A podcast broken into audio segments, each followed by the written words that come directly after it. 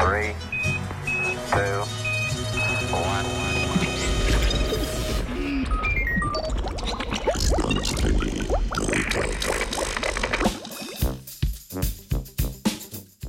Zavedni slovenci so slabi logiki.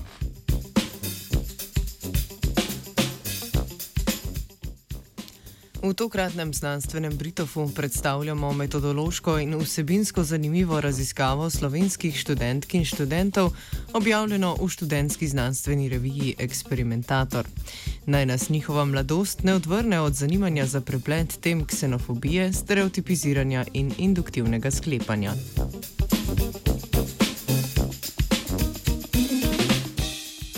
Kako so povezali to troje? Po teoriji tvorjenja ksenofobnih prepričanj sta pri tem ključna stereotipiziranje in sklepanje. Če ponovimo po srednješolsko, ksenofobija je najbolj preprosto povedano strah pred tujci, a o še tako splošni definiciji se znanstvena srednja ne strinja. Stereotipiziranje je miselna bližnica, s katero svet naredimo bolj preprost, tako da ga uredimo v poenostavljene kategorije. Pri tem pa ljudje nismo najboljši in zato je svet v naših glavah zelo popačena verzija resničnosti.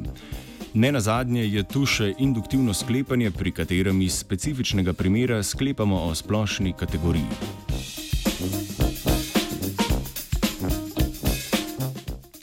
Avtorice in avtori so predvidevali, da bo prišlo do prehitrega posploševanja iz podanega primera na celotno skupino. Poleg tega so predvidevali, da bo ob negativnih opisih osebe več logično neveljavnega posploševanja negativnih opisov osebe na celotno skupino. Podobno so sklepali za pozitivne opise. Večji učinek neveljavnega, neveljavnega sklepanja so pričakovali pri opisih tujcev. Zadnje, kar so predpostavili, je to, da bo splošen opis skupine prevladal nad specifičnim opisom osebe.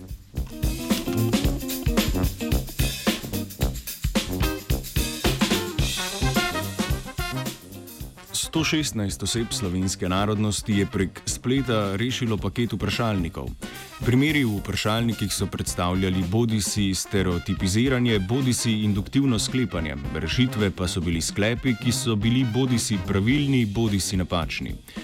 Ksenofobna prepričanja so posredno preverjali z imeni v primerih. Nekateri primeri so uporabljali slovenska imena kot je Jan, drugi pa tuja imena kot je Ahmed. Poglejmo si primer. Udeleženci so denimo najprej prebrali več izjav o določeni osebi. Jan je računalniški programer, Jan je mlajši moški in tako dalje. Na to pa so morali v drugi množici izjav, kot sta denimo Jan hodi v fitness ali Jan je nasilen, označiti tiste izjave, za katere so sklepali, da so resnične.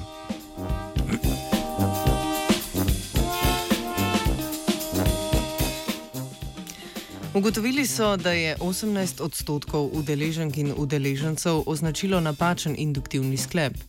Pri nalogah stereotipiziranja na podlagi negativnih lastnosti je napačen sklep izbralo 26 odstotkov, pri nalogah s pozitivnimi lastnostmi pa 31,5 odstotka udeleženk in udeležencev. Pokazala se je razlika v količini napak pri sklepanju med primeri s slovenskimi imeni in primeri s tujimi imeni. Razlika je bila opazna tako pri pozitivnih sklepih o osebi, kot je Jan je prijazen, kot tudi pri neutralnih opisih, kot je Jan je programer. Razlika med številom napačnih sklepov o slovencih in številom napačnih sklepov o tujcih je znašala od 30 do 40 odstotkov.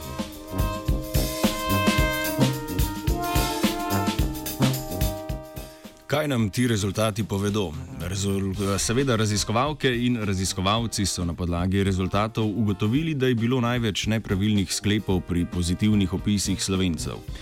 Pri sklepanju o tujcih pa so udeleženke in udeleženci bili bolj previdni. Iz tega sklepajo, da nas potrjevanje dobrih lastnosti lastne skupine naredi imune za logične napake. Na rezultate vplivajo, tako sklepajo, motivacija, čustva in bližina lastne skupine.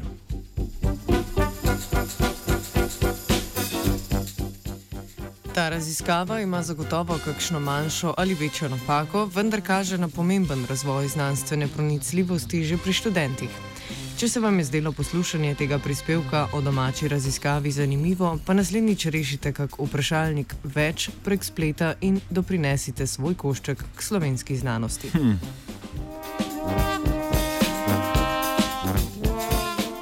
Z Britov je napisala Ana.